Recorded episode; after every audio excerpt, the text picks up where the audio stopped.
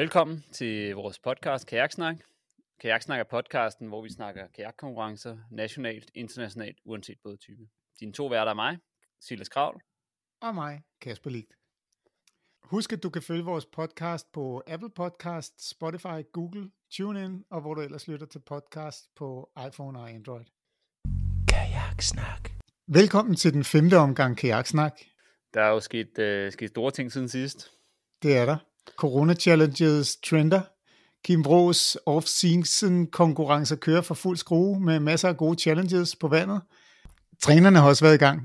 Deres øh, challenge går på at se, hvem der er blevet tungere end de stærke. Trænerne har udfordret hinanden til, på antallet af chins. Der er respektable tal på over 20 chins for øh, selv dem, der ligger lavt i gruppen, og jeg tror, man skal helt op på 27 stykker for at vinde.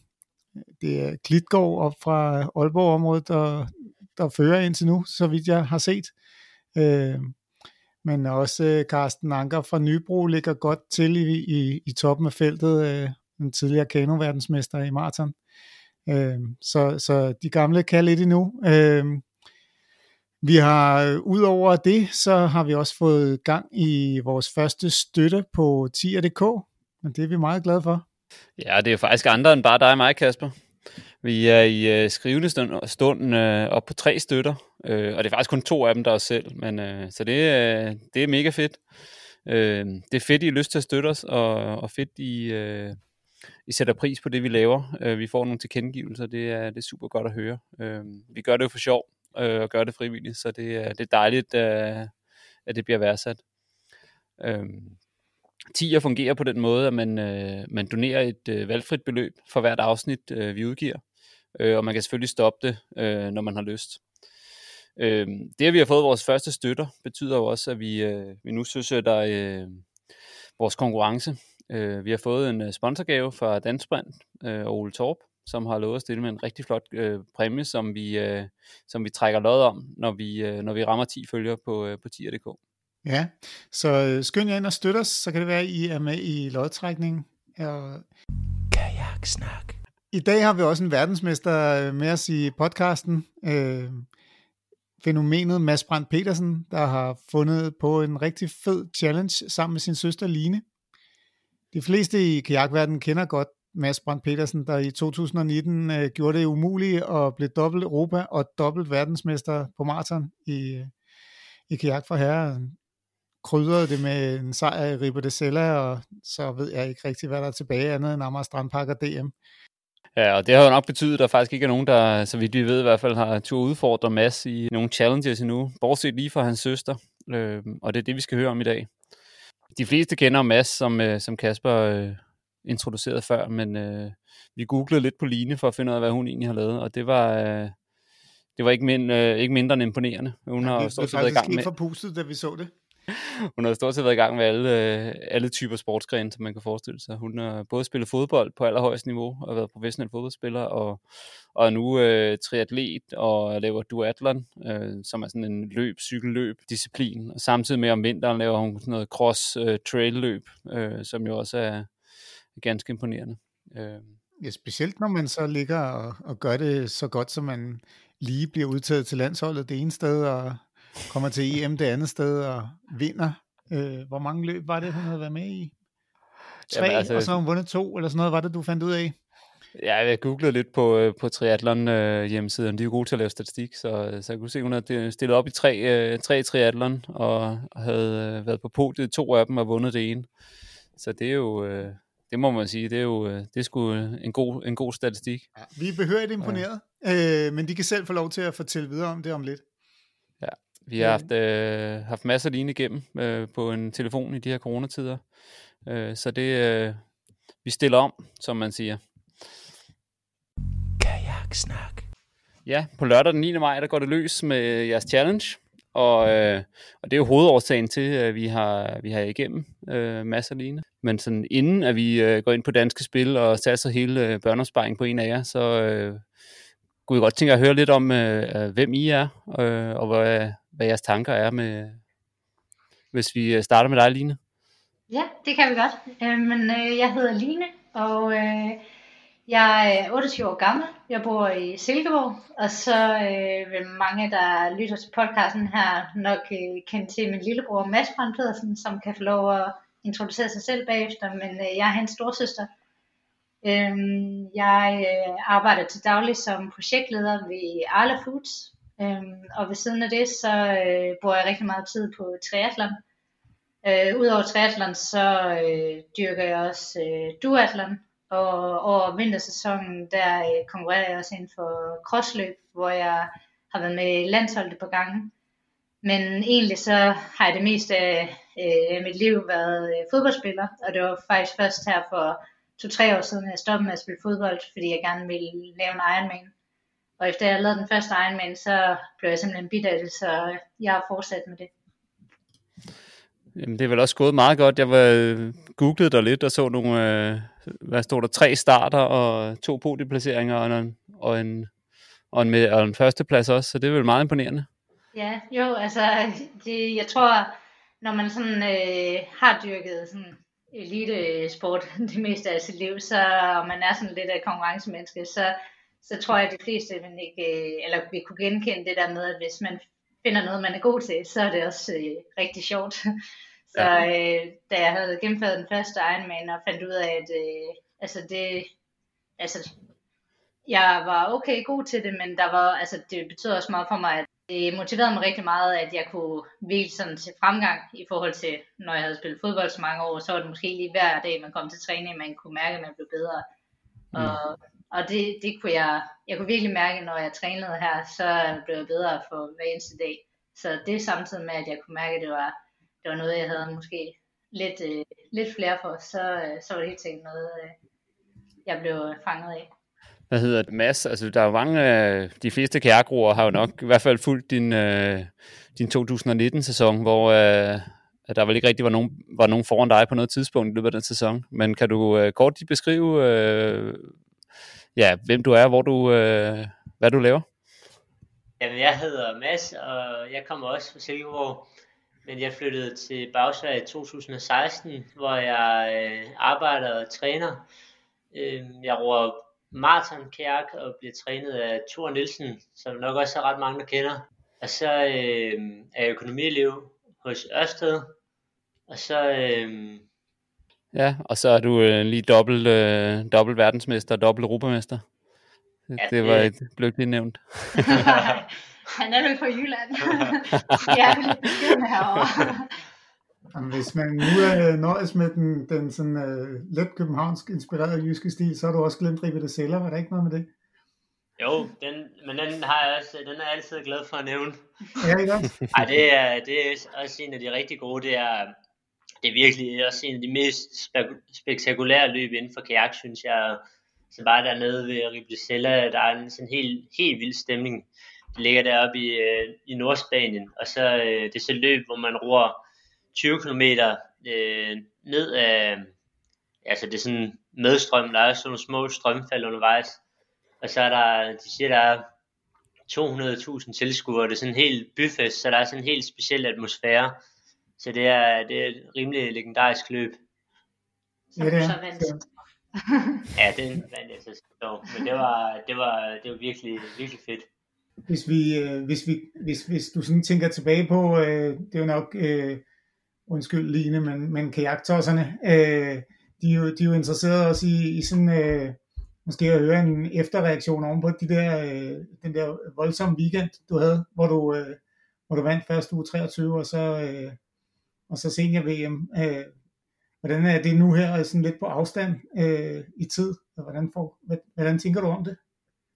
Ja, altså nu er det ved at være et stykke tid siden, øhm, men siden i starten, der, altså der, har, der havde jeg også virkelig svært ved sådan at, at forstå det, fordi altså at blive verdensmester i senior, det har virkelig bare været noget, som, altså længere var lille, så var det noget, jeg drømte om, og så kom det så senere hen til også at blive et mål, hvor man skrev det ned, og så her øh, i starten af sidste år, så aftalte jeg med Thor, at, at det var, øh, da i 2019, at øh, jeg skulle gå efter at blive det.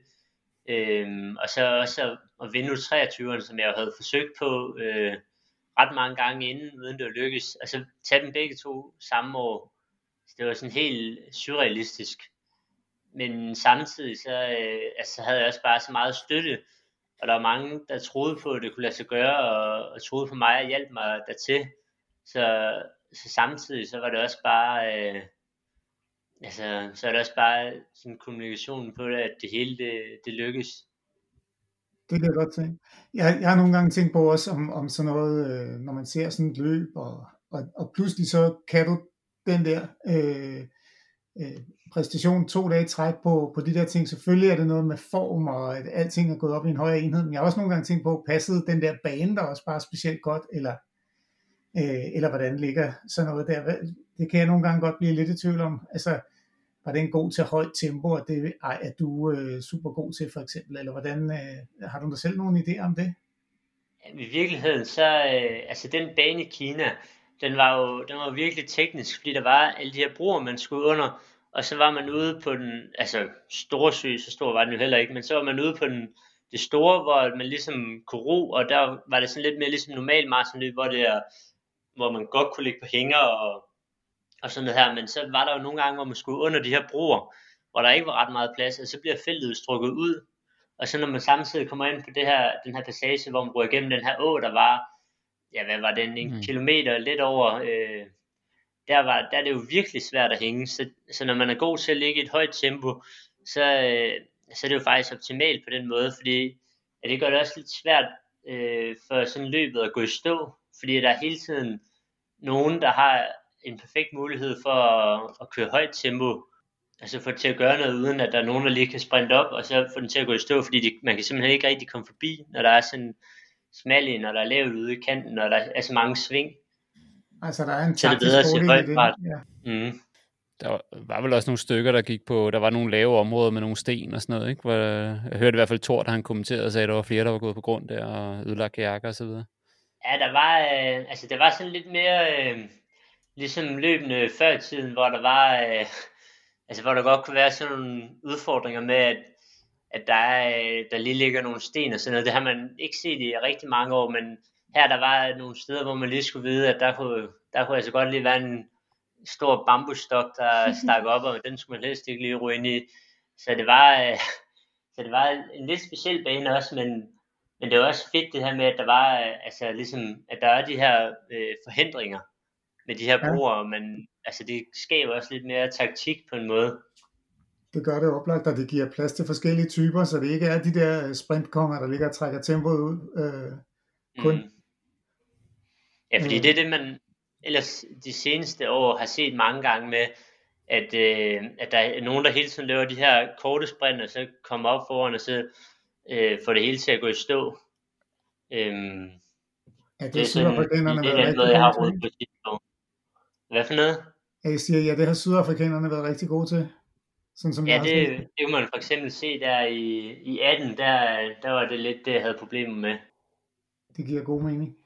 Mm. Ja, og så øh, du vil også bare, øh, altså netop som du selv siger, blevet stærkere og stærkere.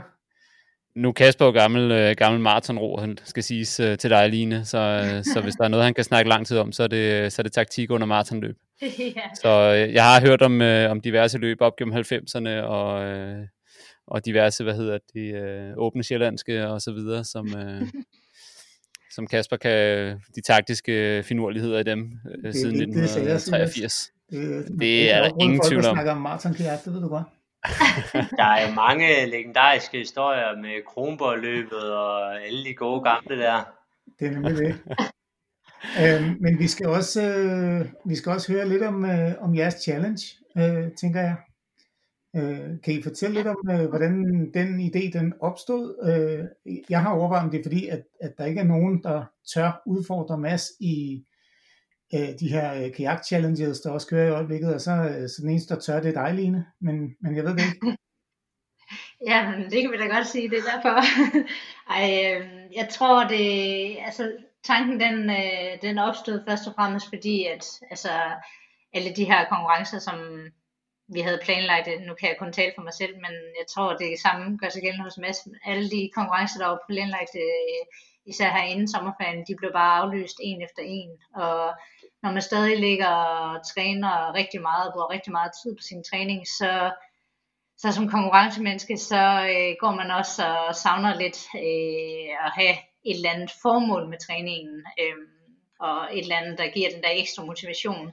Og derfor så, øh, så udfordrede jeg Mads øh, til den her dyst, for at se, hvem der, hvem der først øh, tilbagelægger de her 70 km mellem øh, Silkeborg og Randers på Tour de ruten. Og så Mads han skal rokajak, og jeg skal lave triathlon, så jeg skal svømme, cykle og løbe.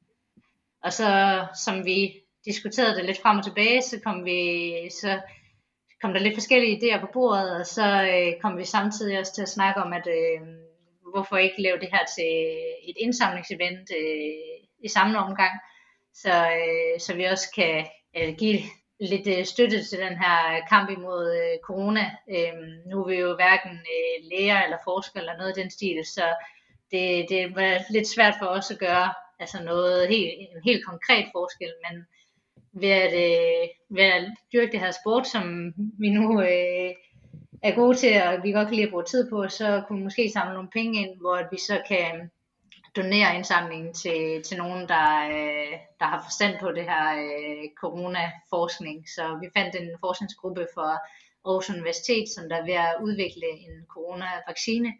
Og så har vi lavet en aftale med dem om, at øh, det beløb, som vi samler ind under vores øh, challenge, det donerer vi til dem. Så lidt en blanding af det her med, at man gerne vil øh, se, om vi kunne gøre en eller anden form for forskel øh, i den her coronasituation, som vi nu alle sammen er påvirket af på den ene eller anden måde, men så også samtidig det her med at, at give noget ekstra motivation til den daglige træning. Så er det også det her med at prøve at konkurrere mod hinanden på en, en lidt anden måde, altså, altså hvor Line hun er i ligesom hendes elementer, og jeg er i mit element, og så bruge det til at se, øh, okay, hvem kan så komme hurtigst hen. Ja. Det er en rigtig sjov idé. Øh, hvis vi lige gør den der færdig med indsamlingen, hvordan, øh, hvordan øh, siger I, vi skal lige have lagt et link op til, så man kan støtte jer og sådan, men hvordan, øh, hvordan gør man det, hvis man gerne vil, vil bidrage? Jamen altså, øh, vi har sådan en GoFundMe-side, og der, øh, der kan man øh, lægge en donation ind, og øh, så vi håber selvfølgelig, at der er mange, der vil, der vil gå ind og, og støtte det her gode formål, og så, øh, og så også for at, at motivere folk lidt til at, at være med, så har vi skaffet nogle, øh, nogle sponsorgaver for vores sponsorer, som, som man kan vinde ved at, at donere penge til vores, øh, vores charity. Og det er Woody og JD Prins og Madselskabet, Fusion Jumpers. Fusion, øhm, Ja, lidt noget, nogle af masse sponsorer har været Sand søde, Ice og Dimser.dk, der er Farsted og tiggers, der er mange forskellige, og der vi arbejder stadig på at få endnu flere, så øh, sådan at øh, man også kan vinde noget ved at, at støtte det her gode formål. Men det man egentlig gør, hvis, hvis man gerne vil øh, donere nogle penge til, til det her gode formål, det er, at man går ind på den hjemmeside, der hedder gofundme.com Challenge 2020. Så derinde, der, det er det direkte link til at gå ind og donere. Og hvis man donerer, som Mads siger, så deltager man automatisk i lodtrækningen om de her øh, sponsorpræmier. Men man kan også læse mere om vores event og også finde linket til, hvor man donerer ind på vores Facebook-side, hvor vi poster nogle forskellige opdateringer her øh, forud for eventet, men også øh, under eventet, så vil, så vil det blive livestreamet herinde på Facebook-siden, og den kan man finde ved at søge på facebook.com corona challenge 2020. Men øh, hvis man finder mig eller Mads på Facebook, så har vi i hvert fald også øh, linket der til. Så det skulle være nogenlunde til at finde. Eller kajaksnak. Ja, kajaksnak, det er også... Eller kajaksnak. ja, der deler vi i hvert fald over til jer. Det skal vi nok gøre. Det, vi synes, det er et rigtig godt formål jo. Øh, og en sjov, øh, en sjov challenge. Men det er, meget, øh, det er meget godt, I siger det der med, at det bliver livestreamet. Hvordan gør I det? Bliver det filmet, eller hvordan, øh, hvordan har I sat det op? Altså, det kommer til at foregå lidt på den måde, at vi... Øh, altså, mens Line svømmer, så, øh, så er der en i en motorbåd, der filmer hende, og øh, så kommer hun over på cyklen, og så sidder der en telefon på der, der livestreamer, og så når hun løber igen, så har hun en telefon på sig, der, der også filmer. Så det bliver sådan lidt point of view. Og ja. øh, på min kajak, der sætter vi så også en telefon på livestreamer, og så, øh, så har vi lidt et kontrolcenter her hjemme i Silkeborg, hvor der sidder nogle øh, kommentatorer, René Larsen og... Øh, og så, ja, selvfølgelig, vi har sørget for, at der var en, øh, en kajak øh, kompetent, kompet, øh, kommentator, men også øh, en, der har lidt forstand på tri. Så inden for tri, der har vi øh, fået øh, Lasse Stengård, som øh, har podcasten Trioraklet, til at også kommentere. Så de to, de kommenterer denne makkerpar, og så kommenterer lidt på, øh, på hvordan Mads og jeg vi klarer det undervejs, men de kommer faktisk også til at øh, bringe nogle special guests op, og der har vi faktisk også øh, nogle rigtig gode øh, gæster på, øh, på dagsordenen.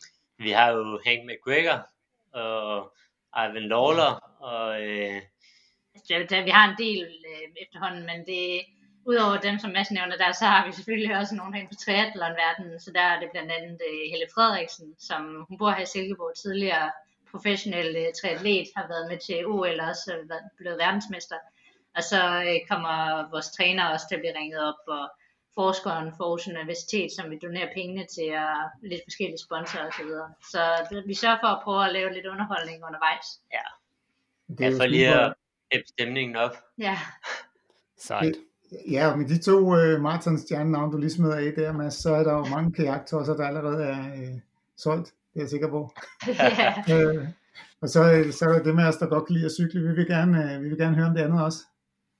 Ja, det er godt. Øh, ja, så der er, vi giver mulighed for det hele. ja. Det er skønt. Ja, men i det hele taget kan man sige, det er jo sådan øh, en udholdenheds øh, sportsfestival, I næsten har planlagt jo. Øh, med de der, ja, man kan sige, øh, hvad hedder det, vi har også, øh, vi har også øh, joket lidt omkring, at øh, altså, folk derude i stuerne, de må også øh, savne lidt øh, at kunne slå benene op i sofaen og se noget sport på tv, nu når det øh, alle fodboldkampe og øh, hvad der ellers øh, må være konkurrencer, som man normalt ser på tv, det er aflyst. Så øh, vi håber, der er masser hjemme i stuerne, der vil øh, gå ind på vores Facebook-side og så følge vores event i stedet for. Det kan jeg godt forstå. Jo, tak. Jeg har tidligere kigget på, øh, på hvad hedder det, Marble Race med sådan nogle, øh, hvad hedder, sådan nogle porcelænskugler, der løber ned ad en bane. Jeg har kigget på i to timer på et tidspunkt, fordi Ja. Altså, det, Så- det, det, det, det, og så, øh, og så færøsk fodbold. Det, det, Ja. Ja. Men så også for at gøre sådan, at altså det er jo, ud for bare at se, hvad mig og Line ser, så er det jo lidt svært at se, okay, hvordan ligger de i forhold til hinanden nu. Øhm, så vil vi også gøre sådan, at der er så et kort, man kan følge med i inde i livestreamen, hvor man kan se, hvor vi ligger i forhold til hinanden. For det kommer nok til at foregå lidt på den måde, at når Line starter med at svømme, så øh, skal jeg jo helst have et, øh, så skal jeg helst så langt foran, som jeg overhovedet kan, af min plan i hvert fald. Og så kommer hun jo op på cyklen bagefter, og så, øh, så skal jeg altså virkelig ro til for ikke at blive indhentet. Ej, jeg har helt klart planer om at overhale Mads på cyklen, når jeg kommer op på cyklen. Jamen, det er fordi, jeg netop også, altså I er jo inde på det der, man kan sige, hvis, altså, selvom Mads roer stærkt, og jeg er i dårlig form, så, øh, så, så tror jeg godt, jeg kan cykle fra ham, hvis han roer. Øh, så, så der må være et eller andet med, med ruten der, som I har prøvet at give os, så det, så det bliver spændende. Hvordan, øh, hvordan har I gjort det? Øh, altså, jeg tænker sådan helt konkret, hvor langt skal du svømme og cykle og løbe lige? Ja, men altså vi har også, øh, kan jeg godt sige, været i gang med den store, helt store lommeregner for at prøve at lave en rute for mig øh, inden for de tre discipliner, der gør, at øh, jeg gerne skulle komme i mål sådan nogenlunde samtidig som Mads. Det er selvfølgelig lidt svært at, at regne ud helt præcis, øh, både i og med at Mads han ikke har råd den distance før, øh, men også øh, der er nogle forskellige ubekendte, som... Øh, hvordan kan jeg øh, holde til at være så lang tid nede i vandet, når det er så koldt, som det er i øjeblikket, og sådan nogle forskellige mm. ting. Men øhm, vi har prøvet at regne os frem til en øh, sammensætning af disciplinerne, som der som sagt er mest muligt, øh, muligt ligeligt fordelt, så der bliver mest spænding. Så jeg kommer til at øh, svømme sådan noget, der ligner 2,5 km. Så kommer jeg til at cykle cirka 31,5 km, og så løbe 31, øh, 36 km til sidst. Øhm, Det var noget af en løbetur. Ja, men det, det var også lidt tilbage til det der med, at øh, altså svømning, som Mads også var lidt inde på, der er jeg jo noget langsommere tempo end ham. Men så snart jeg Ja. kommer op på cyklen, og hvis jeg får mange kilometer på cyklen, så kommer jeg til at få en stor forspring, forhåbentlig. Ja. Eller højst sandsynligt. Øhm, så løb det er egentlig den disciplin, hvor vi er mest lige øh, tempo. Så ja. det er derfor, at den, den kommer til at blive så stor, den del. Ja. Du har ikke været så smart at, at tage svømmeturen der, hvor der er lidt medstrøm. nej, desværre. det, det havde måske været klogt. men 2,5 km åbenvandssvømning lige her nu, altså det, jeg vil sige, det er ikke andet et par dage siden, at jeg takkede nej til min gamle øh, svømmemakker og gamle landsholdsroer i kano, Mathias Bådholdt, til en, til en åben vandtur, fordi jeg stadigvæk synes, at, at vandet er for koldt, så, så jeg har stor respekt for 2,5 km øh, ja, det, 10, 10 grader eller 11 eller sådan noget. Det er, det er en kold omgang. Ja. Det kan også ja, godt sætte altså, sig lidt i kroppen, når man så skal cykle bagefter, tænker jeg faktisk.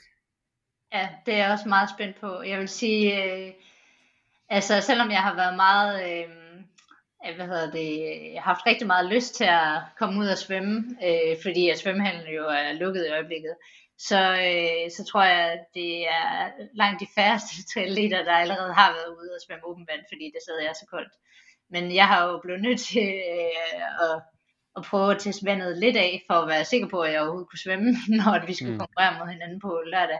Og der vil jeg sige, at det har del med været koldt. Og første gang jeg var i, der holdt jeg heller ikke mere end 10 minutter. Men jeg er glad for i dag, der, øh, der er lidt mere fortrøstningsfuld. Jeg har faktisk været ude i hele 20 minutter, øh, uden at fryse helt is. Så jeg håber lige, at det, det stiger en grad eller to til på lørdag, og så, øh, så skulle jeg nok kunne klare de 2,5 km. Ja, så det på med en øh, neoprenhætte måske, for en gang skyld. Ja, lige præcis. Ja, jeg havde lånt, øh, det var det, jeg havde lånt til i dag, øh, for lige at teste en neoprenhætte og nogle neoprenfødder. Og det, det hjælper rigtig meget, men det er stadig rigtig koldt for ansigtet og fingrene. Ja. Det er det.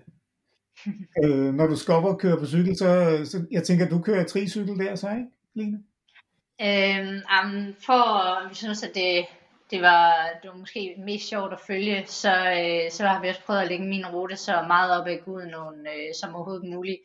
Og derfor så øh, kommer jeg også til meget af min, øh, de der 31,5 km cykling øh, til at være lige op ad Gudnåen. Så især her stykket fra Silkeborg til Kongsbro, øh, det, der er der en rigtig, rigtig fin øh, sådan grussti øh, helt op ad Gudnåen. Altså det, den hedder Trækstien. Øh, så den kommer jeg til at cykle på, øh, og der øh, vil jeg helst ikke øh, udsætte min tricykel for, for at skulle øh, cykle på den sti, så jeg har øh, lånt en øh, gravelcykel af min øh, sponsor Factor Bikes. Øhm, så jeg kommer til at køre på sådan en gravelcykel, der for dem, der måske ikke cykler så meget, det er sådan en blanding mellem øh, skal man sige, en racercykel og en mountainbike. Så den ligner mest en racercykel øh, af udseende, men den er lidt mere robust, og den har nogle lidt øh, tykkere dæk, øh, eller bredere dæk, så, så den ikke punkterer sig lidt ved at cykle på den her grussti. Så det bliver sådan en cykel, jeg kommer til at cykle på. Super. Det tæller lige ind i hjertet på mig, Silas. Vi har begge to sådan en. ja. ja, så skal vi overkøre segmenter i Silkeborg også, Kasper. Det er ikke så godt. Nej, det er det. Så får vi bank Aline også. og I, I har sådan, øh, nu har I snakket lidt om dem her, uh, René og ham fra, uh, fra trioraklet der, som, som, som mm. speaker er undervejs og, og gør. Men har I support med ud på, på turen? Altså jeg mener 70 km, det kunne godt være, altså i gamle dage, der var det sådan noget med, at man stod og drak bouillon i Langå, øh, øh, når man var på god nogen, kan jeg huske. Men, men jeg ved ikke, øh, gør I noget der med sådan at få, få noget undervejs af, af nogle hjælpere, eller hvordan har I planlagt det, eller tager man det hele med, øh, lægger depoter til sig selv? Den øh, obligatoriske pause, der var i Langå i Tour de noget før i tiden, den har vi, øh, den har vi skrottet. Øh, og så, øh, så har vi selvfølgelig nogen, øh, Lines træner, han øh, følger med, og øh, har noget familie, der følger med, og så, øh, så hjælper de os selvfølgelig undervejs med, at lige, hvis man skal have en drikkepose, eller lige en banan nede i kajakken, så kan de lige hjælpe med det. Ja. Men ellers så, øh, så er der ikke indlagt nogen pauser. Men, øh, men vi har lidt nogen, der, der kører med og, og supporter. Har I, nogen, øh, har I noget bud på en, øh, på en sluttid, hvis I har siddet og regnet på det? Hvad, hvad, hvad gætter I selv på? Ja, så jeg tror, øh, eller vi tror, det kommer til at være sådan et eller andet sted mellem 4,5 og 5 timer. Ja, det ved jeg godt, det er et vidt spænd, men det ja, ja, nej, det kan jo. stil. Jamen, jeg siger, der er også der er mange ting, øh, altså fra min side også især, der spiller ind. Altså, gud nogen, der er jo, øh, altså det er jo almindeligt kendt, at der er ret meget strøm i den, men så er der også nogle ubekendte faktorer, som, øh, altså, altså nogle lidt nogle joker, der, der er der. Altså, der er noget med søgræs. Øh, hvis at der er meget af det, så kan det godt være en udfordring. Og så er der øh, svanerne, der yngler lige for tiden. De kan godt være lidt aggressive. Og dem er der altså mange af herude, så man skal passe på, at man ikke bliver angrebet undervejs også. og det er også det er godt noget, der kan spille ind på sluttiden. Og hvis man går efter at få en rigtig høj gennemsnitsfart, så sådan en, øh, altså en lille tilbagesætning der, det, øh, det betyder meget. Så øh, man skal helst prøve at komme udenom øh, de her problemer. Og så øh, det jeg også var lidt ind på før, det her med, at vandet det er så koldt i øjeblikket, så derfor så har jeg også lidt svært ved at vurdere, hvor lang tid øh, jeg tager om at svømme. Øh, hvis jeg går hen og fryser helt til is, så kan det godt være, at det ikke kommer til at gå så hurtigt, som, øh, som jeg gerne vil have det til at gå, men øh, det må vi se på. Mm. Det bliver i hvert fald fedt, og jeg går i hvert fald efter at, at slå Mads, så øh, jeg tror ikke, der er nogen af os, der ligger os fladt ned. Vi er konkurrencemennesker, så, så vi prøver at komme hurtigst muligt til Randers, det er sikkert.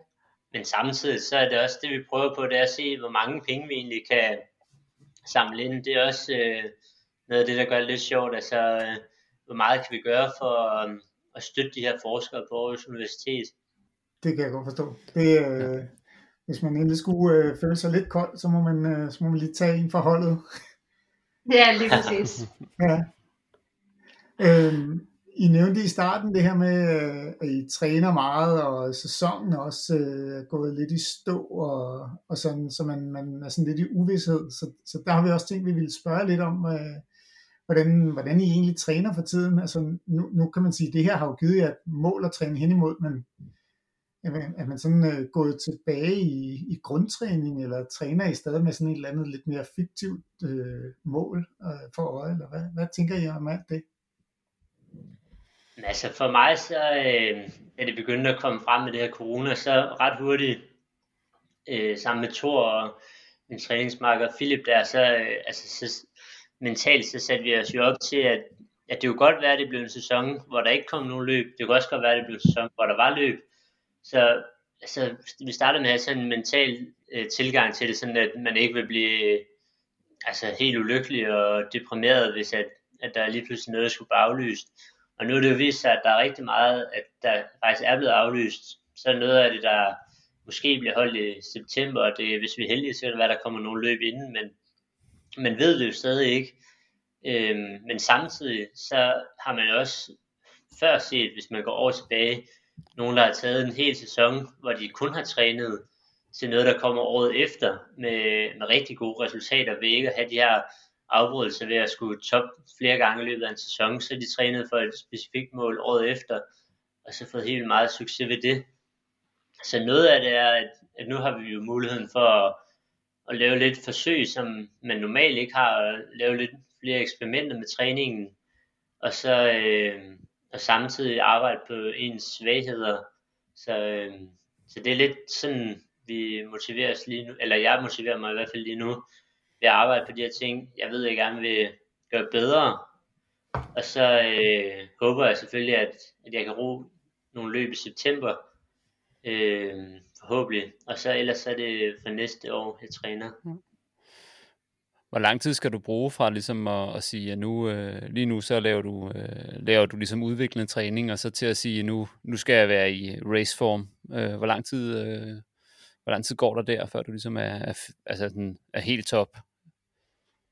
Ja, det er svært lige at, at sætte et tal på, men altså hvor mange uger det tager. Men vi bygger sådan en, virkelig god base, hvor der bare er mulighed for, at man på ikke så mange uger vil kunne altså spidse det til, sådan at man er i, øh, man kan lave sådan en øh, formtopning.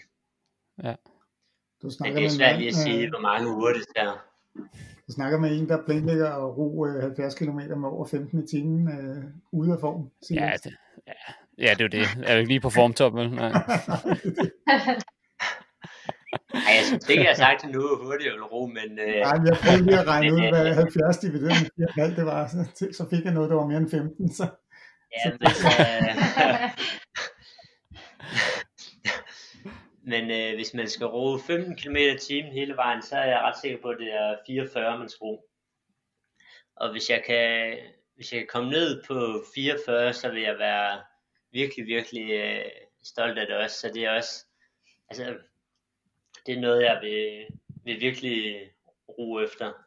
Men, øh, men det er som sagt ret svært på sådan en lang distance, hvor der også er noget med strømmen, der spiller ind og sige, hvor hurtigt man kan ro det. Øh, fordi at der kan virkelig, det betyder noget, hvor meget vand der er i åen. Ja. Det betyder rigtig meget for farten. Det er oplagt. Øh, Mads, ja. du har en, en øh, altså det har alle danskere stort set jo sådan en fortid øh, som, som, øh, som kortmanroer også, altså i hvert fald når vi snakker sådan øh, øh, i maratonverdenen i øjeblikket, så, så, så, så er der forskel på, hvordan du træner nu, øh, nu taler du om de svage sider, du vil træne også, sådan, men, men hvad, hvordan, hvordan er din træning lagt an nu, hvis du vil afsløre nogle staldtips der? Ja, det ved jeg så om ikke helt. Ej, men øh, jeg har jo nu har jeg trænet under en del forskellige trænere, og også selv øh, prøvet på et tidspunkt også at lave noget træning. Så, men i virkeligheden, så det maratontræning, jeg laver nu, det er også noget træning, der ligger så meget op ad 1000 meter træning faktisk. Men så samtidig det her med, at man er rigtig god til at rute lange. Øhm, så altså det er det er meget forskelligt, hvordan også altså mine konkurrenter i udlandet og herhjemme, de træner maraton, det er, det er lidt individuelt, men, øh, men mig der, der er det meget med også at, at prøve at på frekvenser og øh, komme langt per tag. Ja. Øh, jeg øver mig i, så man har de her, så man har nogle flere gear. Det er jo præcis det samme som Kasper Renneberg snakker om, at de lå jo så meget på på 200 meter. Det er jo meget sjovt, ikke? Den der effektivitet. Ja, det er det. Så, altså, der er jo mange øh, altså sammenligning, selvom de roer 200 meter. Så, øh, men altså, det er jo selvfølgelig, altså, det er det helt sikkert kæmpe forskel på 200 meter træning og maratontræning. Øh, lad os se, øh, Mads, du, du, træner, du træner med fokus på effektivitet og fremdrift og sådan. Øh, triathlon, Line, hvad, hvordan, hvordan træner du egentlig? Fordi du har de her tre ting at jonglere med hele tiden jo. Øh, ja, det er et godt spørgsmål. øh, jeg vil sige, at altså, som jeg startede måske med at sige, så øh, har jeg jo kun lavet triathlon de her, jeg har faktisk kun lavet to sæsoner. Øh, så jeg, altså der er stadig en masse, jeg har lærer inden for den her sportsgren. Men helt fra starten, der øh, lavede jeg et samarbejde med øh, min træner Martin Bissenbakker øh, fra Multiperformance, øh, hvor jeg sådan lidt øh, lagde mig fladt ned og sagde, jeg ved ikke noget om det her, øh, fortæl mig, hvad jeg skal gøre for at blive øh, så god som overhovedet muligt. Øhm, og jo, altså jeg har da, er da begyndt at lure nogle øh, mønstre lidt af, men øh, det som jeg i hvert fald kan sige, der er en stor forskel sammenlignet med fodbold, som jeg som sagt har spillet det meste af mit liv, så øh, træner jeg, er jeg begyndt at træne rigtig, rigtig mange timer. Øhm, nu er det jo ikke kun én sportsgren, jeg skal lave, men som du selv sagde, så er det tre forskellige sportsgrene, og udover svømning, cykling og løb, så bruger jeg også lidt tid på styrketræning.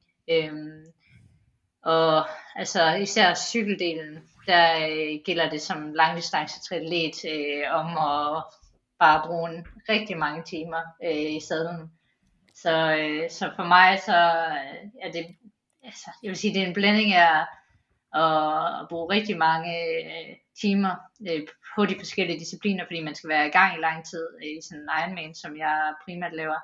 Øh, men der er selvfølgelig også altså, nogle nogle tempotræninger indimellem. Mm. Øhm, men ja, altså det, det er det her med, at altså, selvom det er tre discipliner, og man skal dermed træne rigtig meget, fordi du skal træne tre forskellige ting, så vil jeg sige, at det, det er også tre discipliner, som der harmonerer rigtig godt, fordi at løb, det er jo kropsbærende, så det kan være rigtig hårdt at, at skulle træne lige så mange timer, som jeg gør i triathlon, hvis jeg bare skulle løbe. Men fordi at jeg også kombinerer det med svømning og, og cykling, så, så kan kroppen holde til at træne de her rigtig mange timer, fordi at du, du træner noget forskelligt. Hmm. Hvordan, altså nu sagde du, nævnte du selv før, at øh, svømmehallerne er lukket og sådan noget.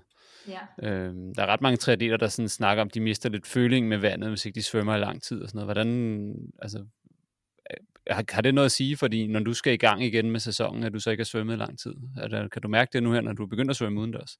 Ja, ja, altså det er der ingen, slet ingen tvivl om, at det har noget at sige, men man kan sige, at det, det, det er jo stort set ens for, for alle triatleter. Jeg ved godt, der er nogle enkelte triatleter, der er så heldige, de har en eller anden uh, endless pool uh, derhjemme, eller noget af den stil, men det er mm. meget, meget få, så de fleste af os andre, uh, og nogle, måske de fleste andre, undtagen mig, der ikke lige hopper ned i iskoldt vand, der uh, gælder det primært om at, at lave noget sådan lidt svømmespecifik træning med nogle elastikker eller noget i den stil, så man stadig holder de der muskler, man også bruger under svømning ved lige. Øh, men det er selvfølgelig overhovedet ikke det samme som at, at ligge og svømme en masse baner i svømmehallen, som, øh, som man normalt gør. Mm. Nej, der er ikke rigtig et, øh, et ergometer, man kan springe op på. Øh, det er jo sådan noget, øh, ja, ergoer, der altså bliver der lukket er, inden de kan gøre. Men, øh. Ja, altså der er, øh, der er en, nogle stykker, som, øh, som gør brug af sådan en thorax-træner. Øh, fordi at det er også nogle af de samme muskler som, øh, som under svømning, men det er ikke noget, som jeg har været ude og investere i. Jeg, jeg holder mig til elastikkerne, og så er jeg begyndt som sagt at hoppe i, i søen, så det, det tror jeg, det, det skal det skal, det skal nok, øh, det skal nok få lige så meget ud af, som hvis jeg havde en thorax-træner, er jeg sikker på. Men uden tvivl, så kommer det til at betyde noget for mit svømmeniveau, når jeg kommer i gang igen. Øh, men så håber jeg samtidig, at øh, jeg har forbedret mig det, det mere på, på cykling for eksempel. Der kan jeg allerede se, at, at det har givet på det, at jeg har brugt nogle flere timer på det. For det er især cykling, jeg har brugt mm. tid på. Øh, de, de timer, som jeg plejede med svømning. Øh, ja. Men det kan man sige, det, det er nok det samme for de andre triatleter. Men samtidig så er vi også bare ekstremt heldige, at vi stadig kan træne vores øh, sport. Altså, selvom Line hun ikke kan komme i svømmehallen, så, øh, kan vi stadig komme ud og løbe og cykle og ro. Og, altså det er der mange af vores konkurrenter, som ingen, ikke kan. Så man skal samtidig være helt vildt taknemmelig for, at man, man faktisk kan træne. Ja, så som Madsen siger, altså også danskere, vi er jo ret heldige i forhold til, at vi godt må komme udenfor at træne, men altså, der er jo mange, mange lande rundt omkring i verden, hvor de har været under total lockdown, hvor de slet ikke har kunne komme udenfor at træne. Øhm, så ja. det er vi helt sikkert øh, noget heldigere. Mads, øh, sidste år, der var du på, øh, på toppen hele sæsonen, men øh, i år, hvad havde du, havde du ligesom noget, du havde planlagt som sæsonmål, eller var det, øh, Jamen, altså, var det bare at vinde her... det hele igen? Ja, altså, øh, den her sæson, der var det jo selvfølgelig, en ting var at genvinde de her, øh, altså VM øh, og EM for seniorer i en kærk, men så var planen også at arbejde på en, øh, en torkajak, øh, der også skulle kunne gøre sig gældende. Øh, på rigtig højt niveau der. Øh, så det primære, det var, øh, det var EM og VM i øh, maraton og, og genvinde dem. Ja. Men, øh, men der er jo et år næste år, hvis der ikke... Øh, de snakker om, at der måske kunne komme EM i, øh, i september, men der, øh, der bliver snakket om, øh, om rigtig mange løb i, i september, øh, og der er jo ikke øh, uendelig mange weekender der, så, øh, og det er ikke til at vide, hvordan tingene de udvikler sig. Øh, men, øh, hvor, hvor skulle der være, være VM hen i år? Det var i, i Norge, okay. så, øh, så det havde jeg faktisk set helt vildt meget frem til, fordi det er jo så tæt øh, herhjemme på. Ja. Men sige, Norge er jo faktisk også begyndt at åbne op igen, men det kræver selvfølgelig også, at folk kan komme ud af, af de andre lande, som de skal deltage fra. Men, øh. Ja, men lige præcis med, med VM i Norge, der, den har de faktisk øh, aflyst. Øh, okay. Øh, men så er spørgsmålet så, fordi næste år, der er jo VM i, øh, i Rumænien på programmet. Men øh, så er spørgsmålet så, skal man så skrotte Norge, der har lavet øh, gjort klar til at have det her setup og har, øh, har samlet rigtig mange penge ind til at afholde det her løb, mm. og har allerede haft øh, test-event året inden, altså den her World Cup i maraton, som ja. øh, vi også var øh, en del op at ro, øh, hvor de faktisk, øh, altså det var et, øh, et rigtig fedt sted at ro maratonløb. Så det er lige, altså skal det så være dem, der holder det næste år, hvad så med Rumænien? Så det er, øh, det er stadig lidt uvist meget af det. Ja. Ja. Nej, men det kan, det kan, det, at det, er, det er bare, det bliver en underlig sæson, ikke? Øh, mm. fordi uh, alt krudtet skal brændes af, som det ser ud nu i, i september-oktober, ikke? Hvis vi ja. er så heldige. Men øh, så, så er der også nogle andre mål, jeg sådan har lavet for, altså, øh, altså en træningsmål med, øh, jeg har nogle time trials til ord, hvor jeg gerne vil slå min egen rekord, og, og Thors rekord også for nogle af dem. Så, så, øh, så der, der er helt mange personlige mål også, som, som, hvor jeg kan motivere mig selv meget ved at, at prøve at indfri dem. Øh, og den, så nu er øh, hoved, hovedmålet inden for dem, det er at slå rekorden på Claus Narholm i år. Det er en klassiker, Mads. Det, øh, ja. hvad, hvad skal man ro for at slå den? Ja, man skal i hvert fald ro rigtig hurtigt. ja, det ved jeg godt. Og pas på, at man ikke slår hovedet nede ved overbæringen. Ja. Hvad for noget? Ja, man skal okay. heller ikke slå hovedet ned i overbæringen. Nej. Men det er, øh, man, skal virkelig, man skal virkelig ligge højt hele vejen. Og, og det, der gør øh, den her så tricky, det er, at, at der er jo også den overbæring der ved slusen, og der skal man helt, altså det er jo nærmest, man skal kravle under, og, øh, og man, der mister man altså noget på en gennemsnitsfart, så der, øh, der skal virkelig være øh, fart i den for at slå den, fordi den rute, den har Thor rådet rigtig, rigtig mange gange, og jeg kæmpede sidste år for at slå en rekord, men det er altså stadig ikke lykkes. Så, øh, kan du huske, hvad den rekord lyder på, Mads? Ja, men den er vist øh, 14 minutter, eller en time og 14 minutter på øh, 18 km. Ja, så øh, den er tof. Det er det. Det er sådan en, hvor man ikke skal møde en øh, familie, der er på kanotur og ved at, lære, ved at bære over. Altså, så, er det, så får man i hvert fald nogle udfordringer med at slå den tid. ja, det. Og apropos det, det kan også blive en udfordring på lørdag. Familier, der er på kanotur på Gudnåen, ja, de lover godt være og øh, også øh, folk, der er ude og gå tur og ude og cykle på trækstien. Det kan også godt være, at, øh, at øh, de bliver lidt svære at cykle forbi i farten. ja, der er nok noget med en ringklokke. ja, det kan godt være, at jeg skal have fat i sådan en ringklokke eller sådan en botthorn eller noget af det. ja. Det øh, jeg så også, Mads, at du i, sæson, eller her i løbet af vinteren har været ude og rulle surfski. Er det noget, du, øh, der kunne være mål om også? Den sæson ligger vel off, eller ligger jo lidt om vinteren, gør den ikke det? Øh nogle af de afrikanske altså, den er, steder. Altså, den er faktisk en øh, rimelig bred sæson, men der ligger tit øh, noget i, øh, i september og oktober. Øhm, så nogle gange, så, øh, så kan man være heldig, at man lige kan nå at få nogle surfskiløb også. Og jeg synes faktisk i virkeligheden, at det er noget, altså surfski, det kan man godt kombinere med altså flatvandskajak også.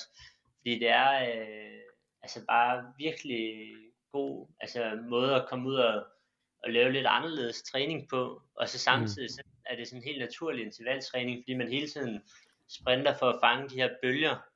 Så altså samtidig med, at det er helt vildt sjovt at lave noget anderledes en gang imellem, så er det også øh, virkelig god træning og noget, man kan bruge for at, at træne de her ryg, man, man skal bruge under sit maratonløb. Øhm, og så synes jeg bare, det er, altså, det er totalt fedt. Altså, jeg rodede øh, en World Cup her øh, i starten af året i, på Lanzarote, og øh, altså man tænker jo, at dem her drenge, dem, dem kan jeg altså godt følge med, men de er bare så dygtige til at surfe, så hvis man ligger og, og roer alt, hvad man kan på de forkerte tidspunkter, så, øh, så får man hurtigt brugt kræfterne op, og så kan der altså lige pludselig komme en eller anden, øh, ja, øh, midalderne mand, øh, der ikke engang øh, ror, han ligger bare flad på, og så surfer de bare lige forbi en på sådan en bølge. Så kan man godt blive lidt frustreret, men, øh, men det er altid bare altså, totalt fedt at, at, at, at træne. Og så, øh, og så se, fordi man, man lærer også noget hver eneste gang, man er med i de her løb, og, og så er det også bare en totalt fed atmosfære, der er til omkring surfski. Ja, det, det, er en, øh, det er en del af kajakken, der, der, der trender. Det, der er flere og flere, der, der får øjnene op for det. Både sådan øh, bredt ude i klubberne, og, og også øh, som, som konkurrence. Det er meget sjovt. Mm. Men, øh, ja, det er altså en fed disciplin. Ja, det er det. Det, ja. det, det er sjovt.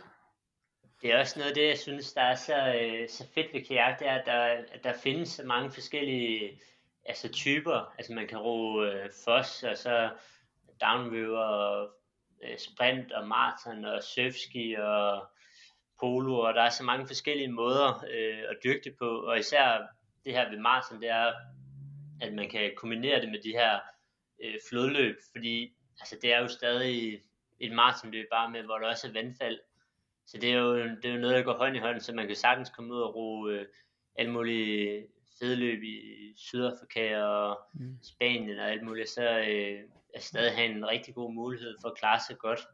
Ja. Øhm, jeg vil lige pointere, at mit bedste resultat indtil videre var, da jeg slog Mark Renshaw i efteråret til, i Krumlov. Ja, det var Rensmith, ikke? Ja. Ja, Rensmith, undskyld, noget den hed. Ja. Eller, det vil sige, han knækkede kajakken i første for os.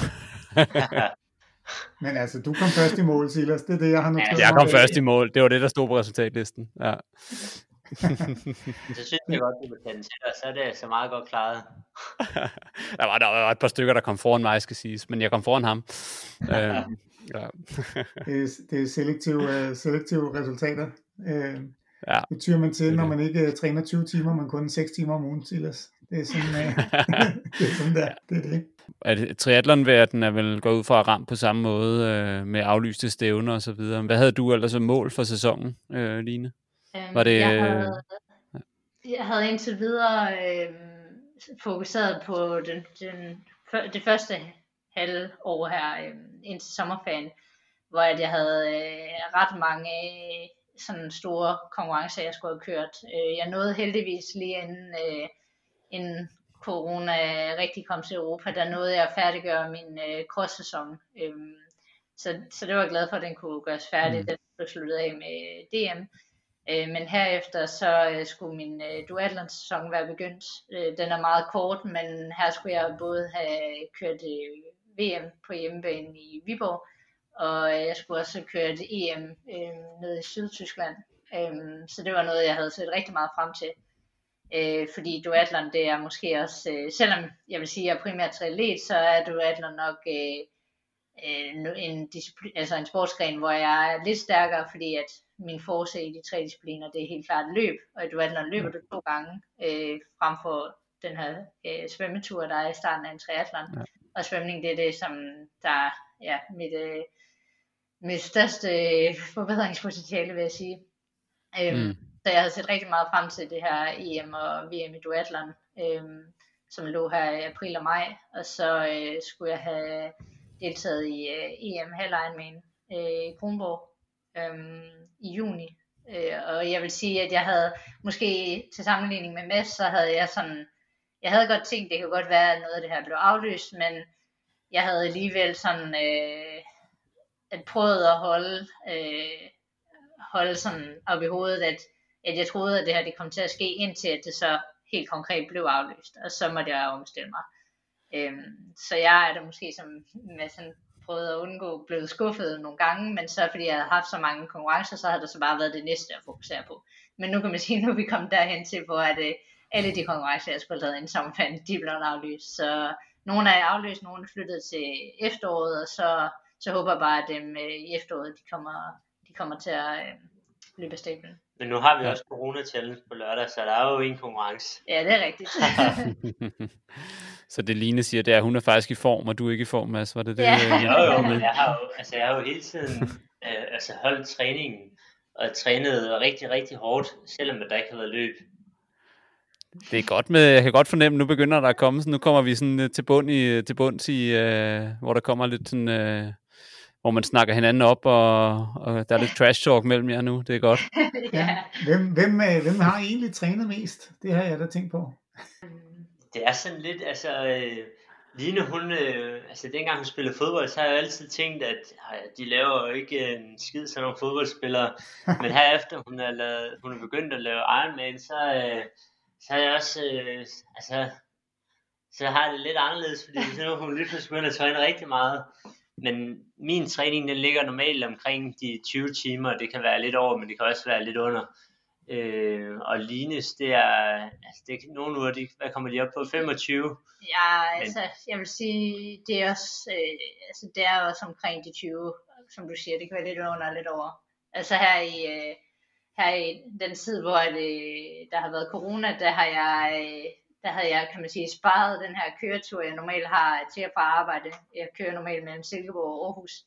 Jeg er blevet tvunget til at arbejde hjemmefra. Øhm, og det har givet mig noget øh, lige en time til halvanden ekstra hver dag. Så det har jeg øh, udnyttet til at kunne træne lidt ekstra. Så, så her de sidste par uger, der, eller de sidste uger, der har jeg i hvert fald også ligget over 20 timer. Jeg tror, at i sidste uge havde jeg 24 timer, 24 mm. timer, så, så jeg træner også en del. Du topper ud, gør du. Du lusker dig til en, til en formtop mod Mads her på, på lørdag. ja, nu får vi se, om der er hurtigst. Ja. Men altså, det er jo, øh, det er jo, altså, det er jo begge to nogle discipliner, vi laver, hvor man skal træne rigtig meget.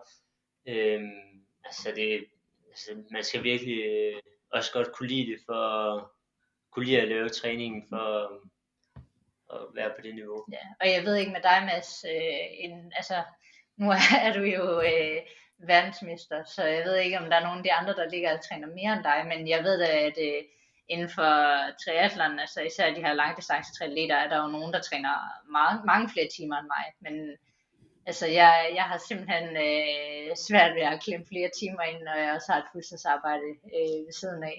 Men det er jo med begge to, fordi altså inden for kajakmarsen i Danmark, så er det lidt svært at, at have sådan en hverdag, hvor man kun er maratonroer.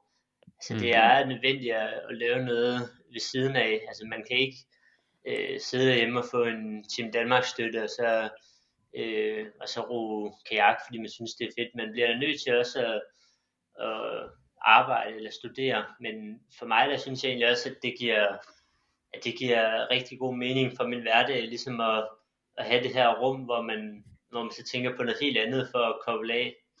Øhm, så synes jeg faktisk, at det harmonerer meget godt. Øh, og sammen med Line, der er også mange af hendes konkurrenter, der, der, øh, der træner professionelt. Yeah. Det er i hvert fald sådan, øh, mine udlandske konkurrenter, der er jo nogen, der, der kun ror kajak. Så det er jo lidt andre øh, vilkår. Men man kan sige, altså Mads, han, øh, altså du, du, selvom du er øh, altså, økonomielev, så har altså, du jo... gengæld så ret heldig med min elevplads derude ved Ørsted, fordi det giver mig også øh, noget ekstra frihed. Altså, øh, jeg arbejder ikke fuldtid, jeg er øh, deltid, så er der kun 25 timer om ugen. Så, øh, så på den måde, så hjælper det mig også helt vildt meget derude, så jeg har tid til at lave min træning. Øh, på de dage, hvor jeg er flest gange på vandet, der er, der er på vandet fire gange. Så, øh, så det, er, det vil være lidt svært, hvis man, øh, hvis man også arbejdede fuldtid ved siden af. Og der kan ja. man sige, at der med mit arbejde, der, der har jeg desværre ikke sådan en god ordning, som Madsen har, så jeg arbejder i hvert fald øh, mindst de her 40 timer om ugen ved siden af, og også træner de der 20 timer. Så, øh. Ja, ja det, det er jeg glad for, det ikke mig. Ja, det er jo sådan næste lidt spørgsmål. Hvordan, altså når første sæsonen starter og sådan noget, hvor mange øh, familier kommer sammen og færder i jeres familie? Og hvor mange af dem er I med til? Øh, familie kommer sammen, det er, når man er ude og hæppe på mig eller med at lave konkurrencer. ja, det er klart.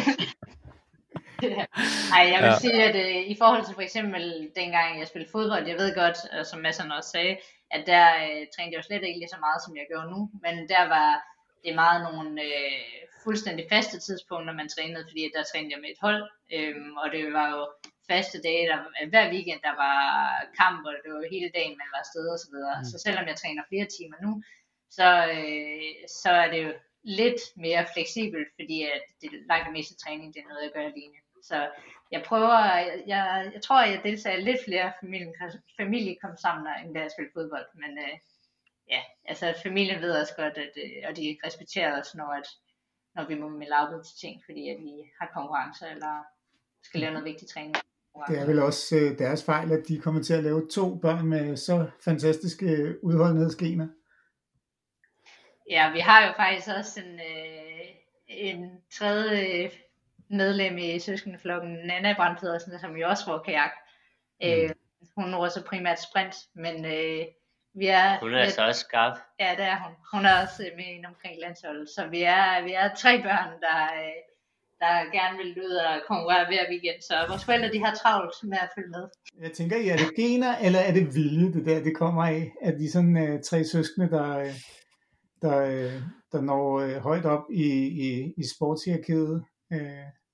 Jamen, det er jo, jeg tror, det er meget, at man sådan inspirerer hinanden. Altså, øh, dengang, at, at jeg var lille, så, øh, så var vi altså virkelig tit ude at se Line spille kamp. Og, øh, og mine øh, forældre, de, eller vores forældre, de, øh, de har også altid selv øh, lavet meget sport, og øh, jeg ved ikke, hvor mange løb, øh, vores øh, maratonløb, vores far han har lavet, og øh, altså, så der har altid været dyrket sport i familien, så det er jo, ja. Men jeg ved ikke, altså, det, selvom vores forældre de har også dyrket rigtig meget sport, eller stadig gør det, som Madsen siger, så, øh, altså, så er det faktisk ikke fordi, at hverken vores mor eller far har altså, dyrket elitesport som sådan, da de mm. var unge. Så jeg ved ikke, jeg tror måske, ja, det er lidt det der Madsen siger med, at altså jeg ved ikke lige præcis, hvad det var, der gjorde, at jeg blev så bitter fodbold til at starte med, og jeg øh, altså, begyndte at gå så meget op i det og prioritere det så højt, men jeg tror da, at det er noget, der også har haft indflydelse på og Nana, og så, ja, så tror jeg også bare, at vi er ret stedige alle tre, så, så det, ja, jeg tror, det har egentlig, det er måske de ting, der har gjort det. Men øh, jeg tænker, vi skal sige tak for snakken til, til Lina og Mads nu her. Øh, det mm. bliver spændende at følge jeres challenge. Jeg ved godt, hvad jeg skal, skal lave her lørdag den 9. Øh, ja. Men vi, vi lægger selvfølgelig nogle ting op på, på show notes om, hvordan man kan følge, øh, følge jeres challenge. Men jeg synes næsten, Line, at øh, du lige skal gentage det, du sagde tidligere, øh, om, øh, om hvordan man følger jeres challenge, og også hvordan man støtter den. Ja, Altså, øh, man kan, som jeg sagde tidligere, øh, gå ind og læse meget mere om eventen på vores Facebook-side, som man enten kan finde link til øh, via jer, eller via Masser eller jeg. Men man kan også skrive øh, facebook.com-corona-challenge 2020. Øh, der kan man følge vores event på livestream og læse, hvad for nogle præmier man kan vinde, og hvad for nogle øh, special guests, der vil blive interviewet undervejs, og, og om ruten og en masse ting. Øh, men man kan også finde link til vores øh, doneringsplatform, som øh, man også kan finde direkte ved at søge på gofundme.com corona 2020 og derinde kan man så donere til coronaforskningen på Aarhus Universitet. Det synes jeg, man skal gøre. Og skal man, øh, skal man tidligere op for at følge? Øh, starten den går klokken 10, så man kan stadig godt lige få lov at sove øh, lidt længe. Ja, så går der også et par timer før vi mål, så der skulle være mulighed for også at, at komme ind i løbet øh, af dagen. Ja, så Ej, man kan godt sove, lige... man behøver ikke være der helt klar på start. Lægger jeg ind i, i segmentet af forårsklassikere, der er sådan Flandern rundt på Paris Roubaix, man kan have det kørende i løbet af ja, en, en lørdag der. Øhm, ja. Hvis man gerne vil følge jer personligt, er I så på nogle af de øh, sociale platforme der, I kan, jeg kan næsten regne ud på Facebook ud for det, I siger, ikke? Men øh, Ja. Hvis man vil stalke... Altså, jeg, tror, jeg tror, vi begge to er primært på Facebook og Instagram. Ja. Øh, øh, eller hvad, Mads? Jo, den er god nok. Ja. øhm, og øh, mig kan man øh, finde øh, på begge steder ved at bare søge på Line Brandt Pedersen. Så det er lige ud af landevejen. Og det er mig, der er det samme, der er det bare Mads Brandt Pedersen. Ja. Så den er, den er meget nem. Der var vi ikke så kreative. Nej, den ligger lige til højre skøjten. Det, er, det er fint. Ja. Og så kunne jeg forstå, at Mads uh, tidligere nævnte om, at han, uh, han også var på Strava, i hvert fald set mig og Kasper blive slået noget så grusomt på, uh, ude på Værløse flyveplads. men det er igennem så... nogle kontakter. Jeg lige Nå, det, med, med i, ja. hvordan det klarede jeg i cyklen der. Det er, det er spioner. Ja, det, det, er ja. for mange, det er for mange år uden uh, fokus på at træne ben. Men det kan ja, jo ikke sige, når det er andre kajakroer, der cykler frem, og så er det jo ikke så godt jo. Nej, men jeg har ellers hørt rygter om, at uh, Mads han er ved at lede efter en uh, racercykel, så det kan være, når han har skaffet sådan en, at uh, vi så skal ud og cykle lidt om kap alle fire. Det lyder, det lyder faktisk meget hyggeligt. Jeg stiller gerne op til de der bakker i Silkeborg, det kan godt være, det bliver hårdt. ja, altså vi har jo cyklet op ad udgårdsveje mange gange. Det er altså en af de helt stejle. Ja, den, den er stejl. kategori 3. Vi må, vi må lægge vejen forbi Silkeborg til en, øh, til en omgang bøllebank på cykel. Øh, det synes jeg, det synes skal jeg, være er velkommen. Det synes jeg skal være, skal være der, det skal være der, vi ender. Hvad hedder det? Tusind tak for snakken. Det var virkelig spændende at høre om uh, både jeres challenge og, og hvad hedder det, og også jeres, sådan, uh, jeres træning og jeres, uh, jeres liv generelt. Det var virkelig dejligt her igennem. Uh, vi glæder os meget til at sidde og følge med, uh, så ved vi i hvert fald, hvad lørdagen skal gå med. Ja, Øhm. vi er også øh, rigtig glade for, at vi måtte være med og fortælle lidt om vores event på lørdag. Så vi håber, der er masser, der vil gå ind og, og følge med og, og støtte os. Kajaksnak. Tak for i dag, og tak fordi I lyttede med. Husk, at I kan støtte os ved at give en anmeldelse på iTunes, et like på Facebook, og også via tier.dk, hvor I kan donere 5, 10, 15, 20, 30 kroner. I sætter selv øh, grænsen. Øh, vi har været så heldige, at Ole Torp fra Dansband, det er vores første podcast offer, har doneret en kortærmet craft-trøje som lodtrækningspræmie til, når vi har 10 støtter på tier.dk. Lige nu er vi som sagt på tre stykker, og tusind tak for det. Øh, nu skal du så bare overtale syv af dine venner, hvis du gerne vil være med i lodtrækningen om rotrøje fra Dansprint, øh, og så lige være heldig i lodtrækningen. Ja, vi har jo også uh, sendt nogle lodder i puljen, det skal vi huske. Ja, og vi er jo ikke for fine til at tage den, hvis vi får den. Eller hvordan. Silas? Det kan være, at vi øh, skal love, at vi, at vi selv øh, stryger os af listen. Ja, det kan være, vi gør det. Det kan være, vi gør det. Så, men uh, tak fordi I lyttede med, uh, og uh, ja, vi, uh, vi høres ved.